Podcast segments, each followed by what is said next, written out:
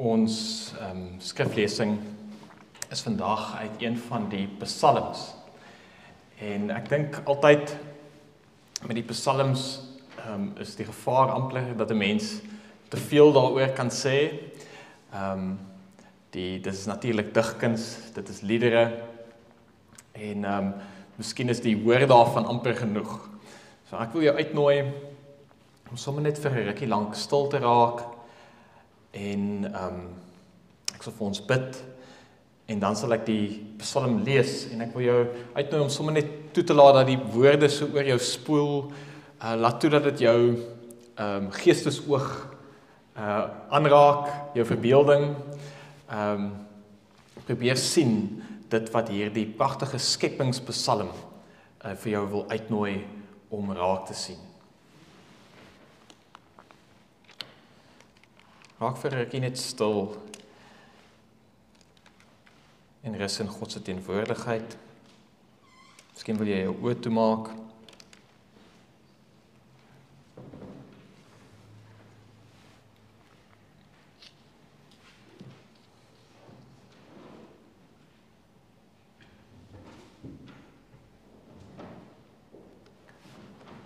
Here God, ons is opnuut bewus gemaak vanoggend deur u teenwoordigheid in alles wat leef. Dat elke oomblik 'n vars ontmoeting is met u. Dankie dat ons vanoggend deur die woorde van hierdie Psalm deur 'n ander getuie wat ook iets van u nabyheid in alles raak gesien het dat ons deur hulle oë ook na U kan kyk. Ons kom met groot afwagting wanneer ook al ons na die Bybel toe kom en ons bid dat U Gees ons oop sal maak om 'n woord van U te ontvang. Amen. Ek moet die Here prys. Ek moet die Here prys. Here my God, U is baie groot. U is met luister en glans bekleë. U wat u met lig omvou soos 'n mantel wat die hemel uitsprei soos 'n tentdoek. Dit is hy wat die balke van sy bokamers op water oprig. Wolke sy stryd waar maak. Wat voortbeweeg op die vlerke van die wind en winde sy boodskappers maak. Vlammende vuur sy dienaars. Hy het die aarde op sy fondamente gefestig. Dit sal vir altyd en ewig nie wankel nie. Met oerwaters het U dit soos met 'n mantel bedek. Tot bo oor die berge het die waters gestaan. Vir U dreigende stem het die waters gevlug. Vir 'n donderende stem op die vlug geslaan.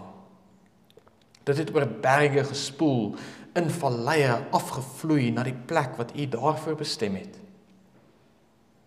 'n Grens het u gestel waaroor die waters nie mag gaan nie. Dit mag nie terugkeer om die aarde te bedek nie. Dit is hy wat fonteinwater in die stroombeddings afstuur. Tussen berge vloei dit deur en gee al die diere van die veld water. Die wilde donkies les hulle dors. Langs die strome is die voëls van die hemel tuis. Tussen die digte blare sing hulle. Hy gee uit sy bokamers die berge water. Uit die vrug van die arbeid word die aarde versadig. Hy laat gras groei vir die vee en plante vir die mens om te verbou, om kos uit die aarde voort te bring. Wyn wat 'n mens se hart bly maak. Olyfolie om gesigte blink mee te maak en brood wat 'n mens se hart versterk. Die bome van die Here word versadig, die seders van die Libanon wat hy geplant het.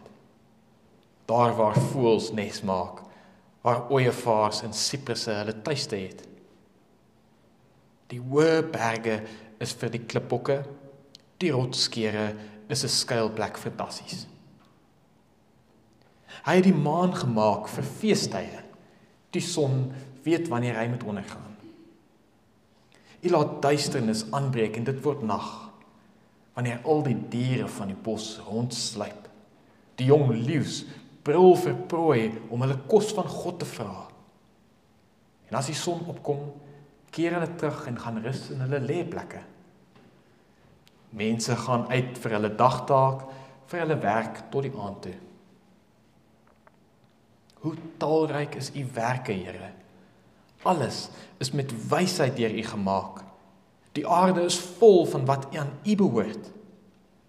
Kyk, die see groot en na alle kante uitgestrek.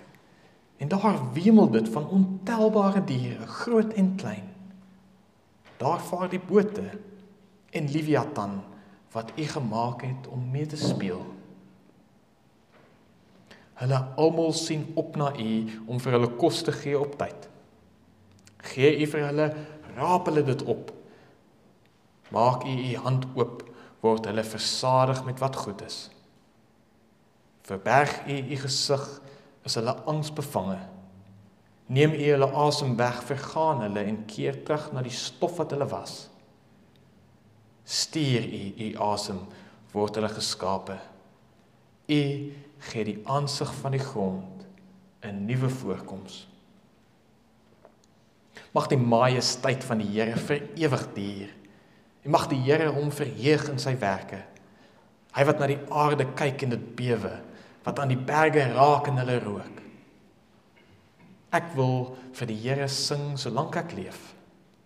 Ek wil my God met begeleiding prys solank ek bestaan mag my besinning vir hom aangenaam wees. Ek sal my verheug in die Here. Mag sondaars van die aarde af verdwyn en goddelose mense nie meer bestaan nie. Ek moet die Here prys. Halleluja. Die woord van die Here. Die woord van die Here vanoggend meer miskien as ander dele van die Bybel in mensetaal. 'n Gebed. En is dit nie wonderlik dat ons selfs hierdie gebede beskou op een of ander manier as God se woord nie. Herinnering dat ons ook ingesluit word in hierdie verhouding. Dat dit nie net 'n one-way gesprek is nie, maar dat ons in gesprek is met God in 'n dialoog. Nou, soos julle weet, is ons besig met 'n preekreeks uh onder die blaredak verwonderd oor die gawe om te kan glo. En uh, die eerste week het ons net 'n bietjie gesels met mekaar oor wat beteken dit om te sê ek glo. Wat is geloof? En uh, die volgende week het ons begin om te kyk na van die wortels van ons geloof. Dit waarin ons geloof geanker word. Plekke waartoe ons kan gaan wanneer ons voel ons geloof ehm um, dra nie meer vrug nie waar ons weer nuwe lewe, nuwe inspirasie kan gaan put.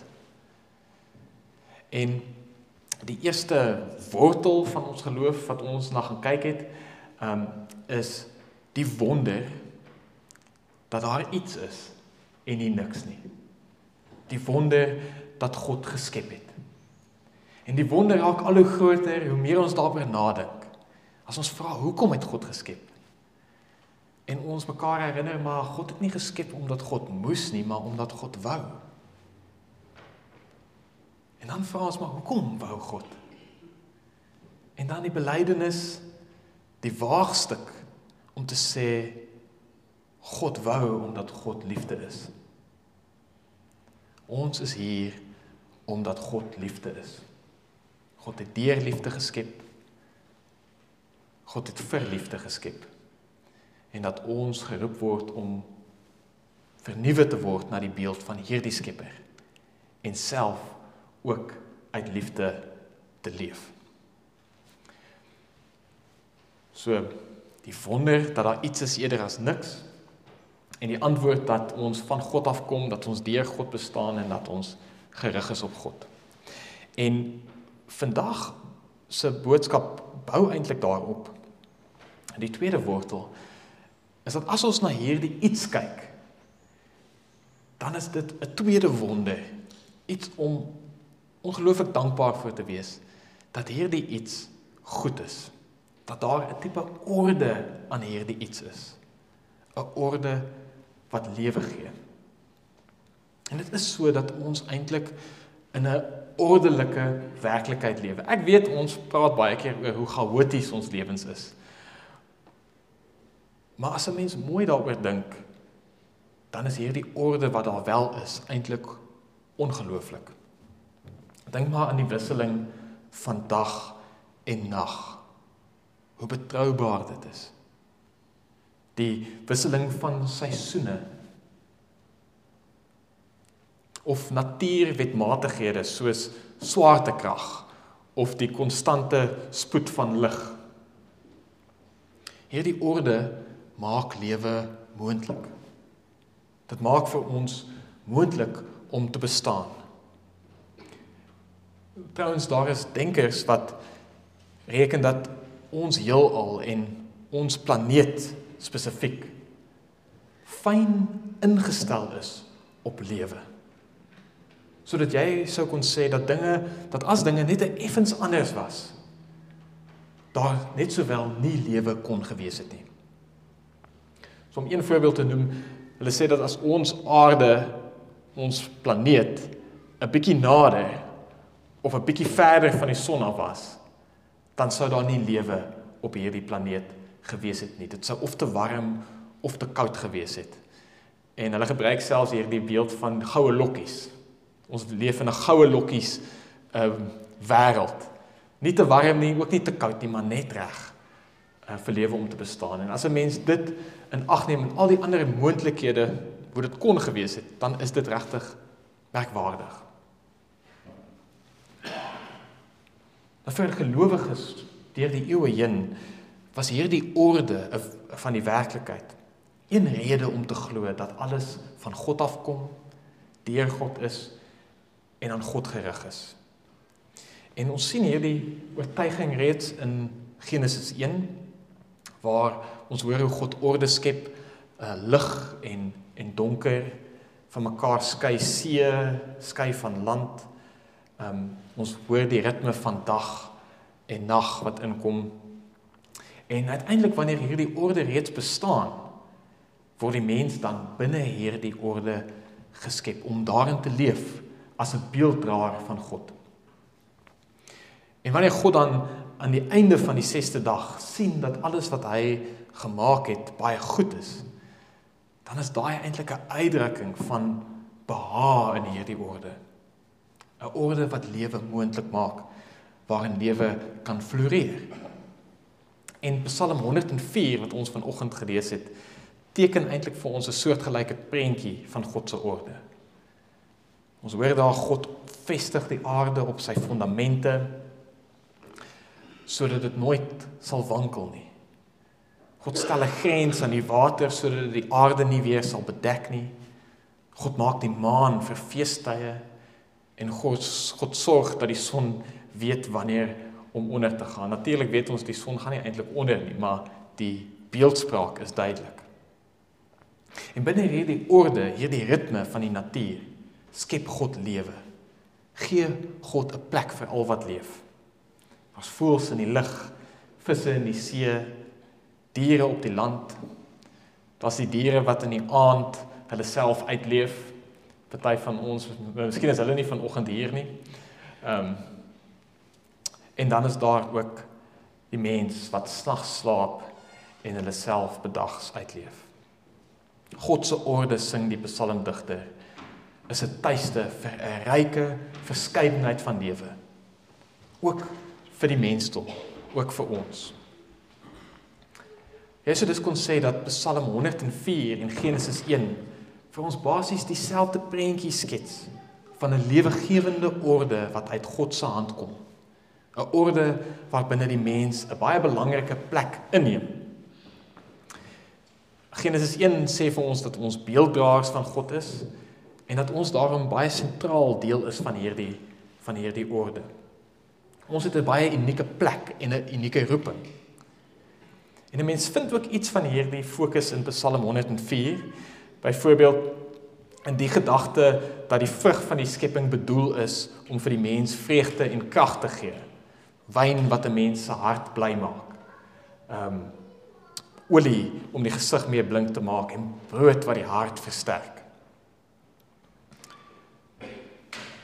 En dis ook 'n werklikheid dat die mens se verhouding tot hierdie orde in die skepping anders is as van die ander diere die voëls in die lug en die visse in die see en die wilde diere byvoorbeeld. Want ons leef nie net binne in die orde nie. Ons doen en ons is afhanklik en in daardie sin is ons ook diere. Ons is skepsels soos die ander. Maar ons word ook van hierdie orde bewus. Al kan ons dit nooit heeltemal deurgrond nie, kan ons die orde onderskei. En dis die ongelooflike ding van die wetenskap van wiskunde dat 'n mens ongelooflikste maniere, die fynste details iets van daai orde kan verstaan en begryp. Ons kan daarom voorspellings maak op grond van hierdie orde. Ons kan in 'n sekere mate die orde self ombuig om ons te pas. Ons kan selfs ons eie orde skep. Ons kan natuurkragte inspann om ons nag byvoorbeeld tot dag te verander. Ons werk tot laat in die nag met elektriese gloeilampe om te kan vlieg deur die lug of diep te kan afduik tot onder in die see. En dit is eenvoudig so dat veral vir hedendaagse mense dat ons eintlik grootliks in 'n mensgemaakte orde leef. 'n Orde wat eintlik uitvoering kan raak met die ritmes van die natuurlike orde. Ons wat hier in die stad woon, ehm um, miskien meer as mense wat naby aan die aarde woon. En dit wels lees ons dan Genesis 1 veral op hierdie baie mensgesentreerde manier. Die feit dat alles in die skepping afstuur op die 6ste dag op die skepping van die mens. Die feit dat die mens beskryf word as die beeld van God. En dat daar aan die mense opdrag gegee word om hierdie aarde te vul en selfs dit te onderwerp en daaroor te heers dis harde taal wat daar gebruik word en dit kan die indruk skep dat hierdie werklikheid eintlik om die mens draai dat die mens 'n vrypas het om ons eie orde te skep. Om ons orde selfs op die aarde, op die skepping af te dwing. Ongeag van die gevolge wat dit op die skepping mag hê. En ons weet vandag miskien meer as ooit tevore, maar ons ontken dit eintlik ook nog dat ons as 'n mens, as mensdom 'n baie negatiewe impak op die wêreld het. Dink maar net aan die werklikheid van besoedeling, van oorbevolking, die vernietiging van 'n verskeidenheid van leefforme. En dit alles sê vir ons dat ons menslike orde eintlik 'n bedreiging geword het vir die natuurlike orde. En ek dink juist dit is hoekom hierdie tema vir ons vandag so belangrik is. Want dit gaan nie net oor die vraag of daar 'n lewegewende orde in die wêreld is nie. Dit gaan ook oor die verhouding tussen ons menslike orde en die orde van die skepping. En die antwoord wat ons op daardie vraag gee word min of meer bepaal deur die manier waarop ons dink oor die oorsprong van hierdie skepingsorde. Waar dit vandaan kom, wat die doel daarvan is. En wat ons glo die plek van die mens binne daardie orde is. Om weer terug te neem na verlede week se boodskap. As ons bely dat hierdie orde in die skepping deur God self daar gestel is, dat God dit in stand hou, dat God dit vir ons gee, dat dit in 'n sin vir God bestaan dat dit uit God deur God en tot God is, dan dring dit ons om anders te dink oor hierdie orde en oor ons plek daarbinne. En dis hoekom ons gekies het om hierdie week juis Psalm 104 te lees. Eerder as byvoorbeeld Genesis 1. Want jy kan miskien nog Genesis 1 so lees asof die mens die middelpunt van alles is. Of selfs die hoogtepunt van alles. Maar jy kan 100 Psalm 104 beslis nie so lees nie. En as jy vanuit Psalm 104 dan weer terugkyk na Psalm ag na Genesis 1, dan lees ons dit dalk ook op 'n ander manier. So kom ons kyk 'n bietjie na Psalm 104 want daar draai dit glad nie om die mens nie, glad nie om ons nie. Inteendeel, jy kry eintlik die idee dat die mens maar 'n baie kleiner plekkie, 'n meer nederige plek in 'n veel groter wêreld, werklikheid, orde inneem. En hoewel daar tog vir ons 'n plek is, is dit 'n beskeie plekkie. Die Psalm begin by God. Here my God, U is baie groot. U is met luister en glans bekleed. En dwars deur die Psalm word daar dan ook op God gefokus. U wat U self met lig omhul. U is die een wat die balke van sy bokamers op die water oprig. Met oerwater het U dit soos met 'n boekleed bedek. 'n Grens het U gestel. Dit is U wat fonteine laat ontstaan. U is die een wat die berge laat drink. U, U, U, alles draai om wat God doen. Wat God besig is om te doen. En daarom vind die Psalm dan ook sy hoogtepunt in die aanbidding van God as Skepper. In vers 24 lees ons: Hoe talryk is U werke, Here. Alles is met U wysheid deur U gemaak. En in vers 31 word daar gebid: Mag die majesteit van die Here vir ewig duur. Mag die Here hom verheug in sy werke. Geen wonder dat hierdie Psalm dan ook eindig met 'n haleluja. Loof die Here. Want dit is wat die Psalm sê waaroor dit alles gaan.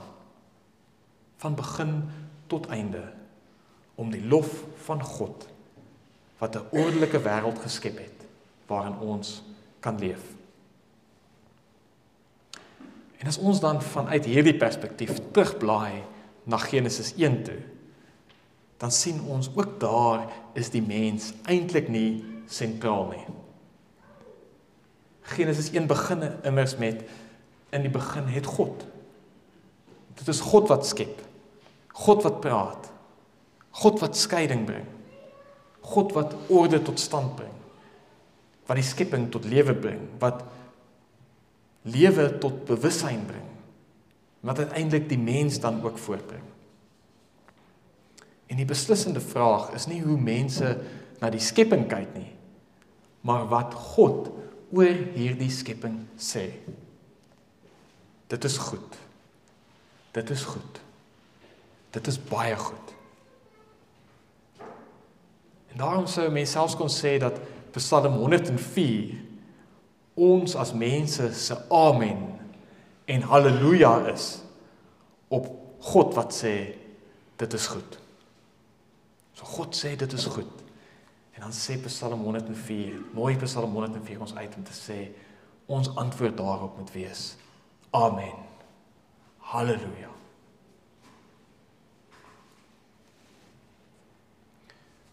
En so kry ons dan in albei hierdie tekste 'n heilige verwondering oor die orde wat God skep. 'n Verwondering oor die God van orde. In die Psalm self sterker as in Genesis 1 beteken dit dat die mens moet weet ons is nie die middelpunt waarom alles draai nie. Ons neem ons plek saam in met die berge en die see, met die plante en die voëls en die diere.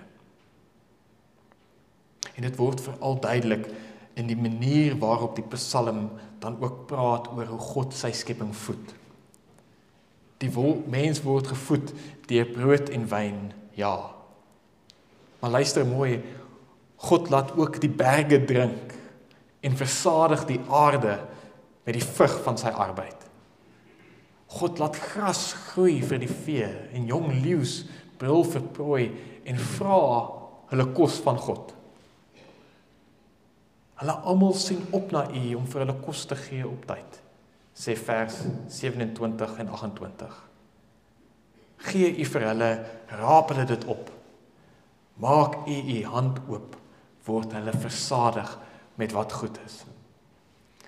Ek dink nou skielik aan iets wat Sari ehm um, wat ehm uh, daar in die Karoo groot geword het met ons gedeel het oor hoe daar in 'n droogte tyd ehm um, kan nie presies mooi onthou hoe jy dit verduidelik het nie, maar hoe die diere kom om gevoer te word. En sy het vir ons gesê iets in daai belewenis het vir haar net vir God so naby laat voel. Dit is waar sy God die diepste beleef is as jy sien hoe daai diere honger kom, jy sien hoe hulle gevoed word selfs in 'n moeilike tyd. En daar is God. En miskien vir ons stadsjapies is dit uh, iets wat 'n bietjie verder verwyderd is van ons. Uh, maar ek dink iets daarvan word ook in hierdie Psalm hier weerspieël. God se orde is dus 'n tuiste vir almal.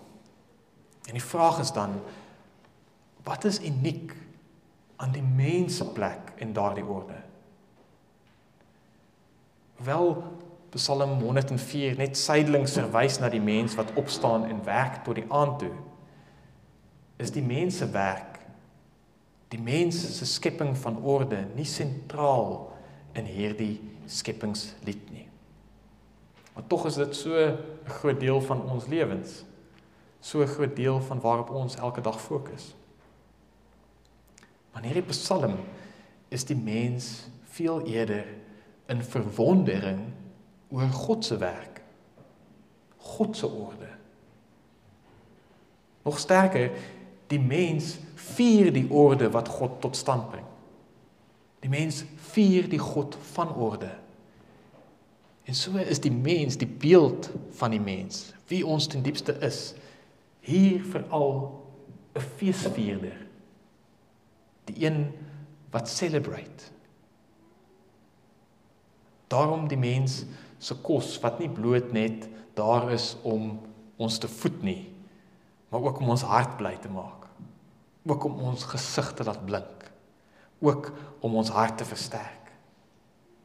En daarom ook dat God in Christus soos ons vanoggend weer beleef het, ons met brood en wyn laat feesvier. Dat dit die diepste uitdrukking van God se liefde vir ons is. En so is ons as mens se eerste taak as ware om soos 'n priester die skepping te lei in haar aanbidding van God die Skepper. En dis hoekom die Psalm ehm um, dan ook 'n viering is. 'n Viering van God. En dit loop uit ook aan die einde op hierdie besliste voorneme om hierdie viering voort te sit. Ek wil vir die Here sing solank ek leef. Ek wil my God besing solank ek bestaan. Mag my bepeinsing vir hom aangenaam wees. Ek ek sal my verheug in die Here. En as ons dan vanuit hierdie beeld van die mens as 'n feesvierder, dan weer eens terugblaai na Genesis 1 toe.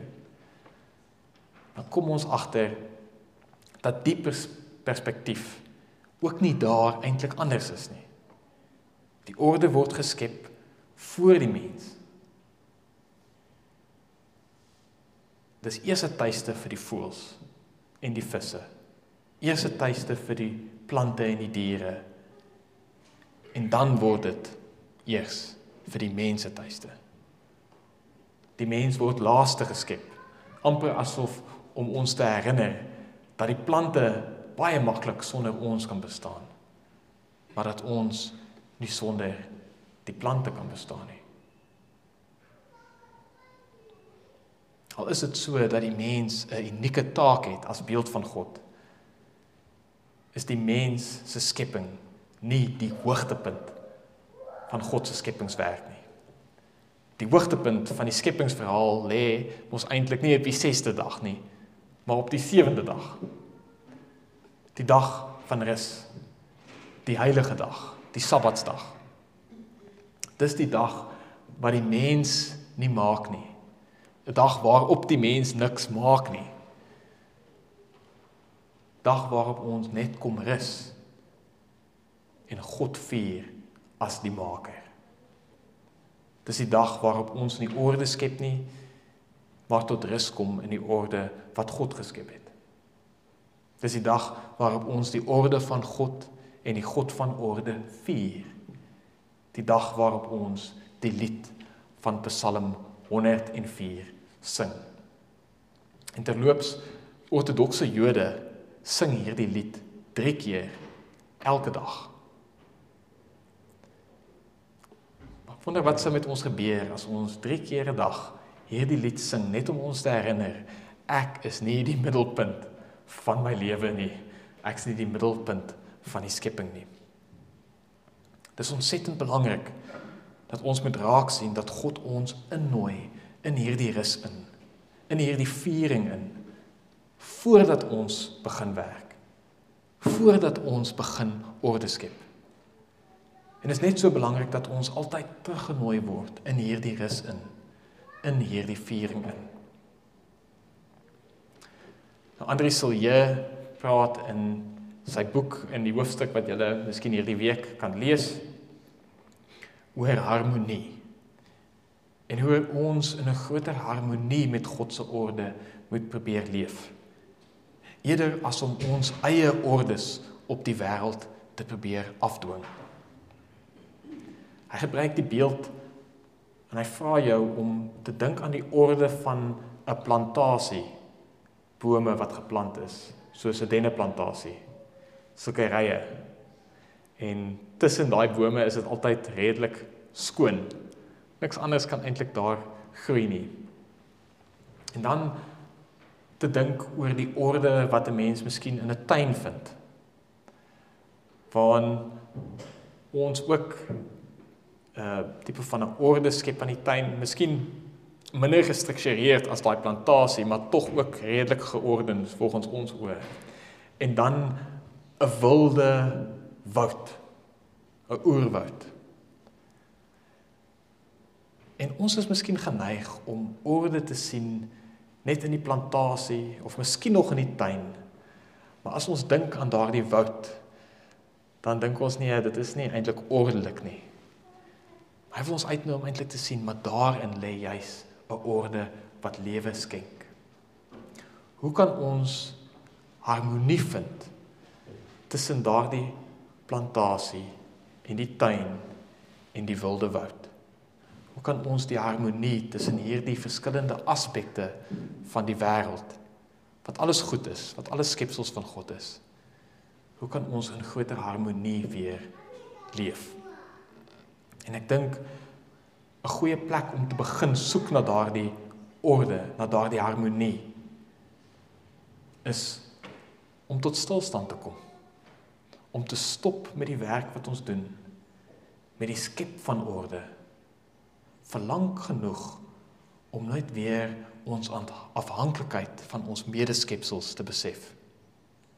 Om net verwonder te raak oor die goedheid van God se skepping op, op om opnuut dankbaar te raak vir die gawe daarvan. Opnuut meegevoer in die viering daarvan. Opnuut eerbiedig teenoor die bron van alle lewe. Maar as alles net gaan om wat ons kan produseer en kan verbruik, kan ons later ons skouers ophaal as dit duidelik word dat hierdie orde eintlik vir baie lewende wesens nie lewe bring nie, maar dood dat ons orde vir baie mense nie laat floreer nie, maar eerder hulle uitbuit. En dan verloor ons later nie net die ryke verskeidenheid van lewe in die skepping nie, maar ook mekaar. Ook onsself. Ook ons menswees en ons toekoms. dan kan ons nie meer Psalm 104 sing nie en kan ons die goedheid van God nie meer vier nie. So dis dan die tweede wortel van ons geloof, 'n plek waartoe ons kan gaan. Geloof is om die orde wat lewe gee te vier. Geloof is om in daardie orde tot rus te kom.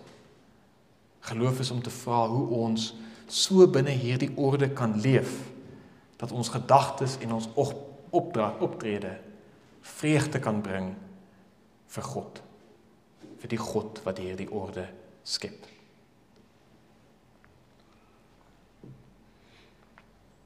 Amen.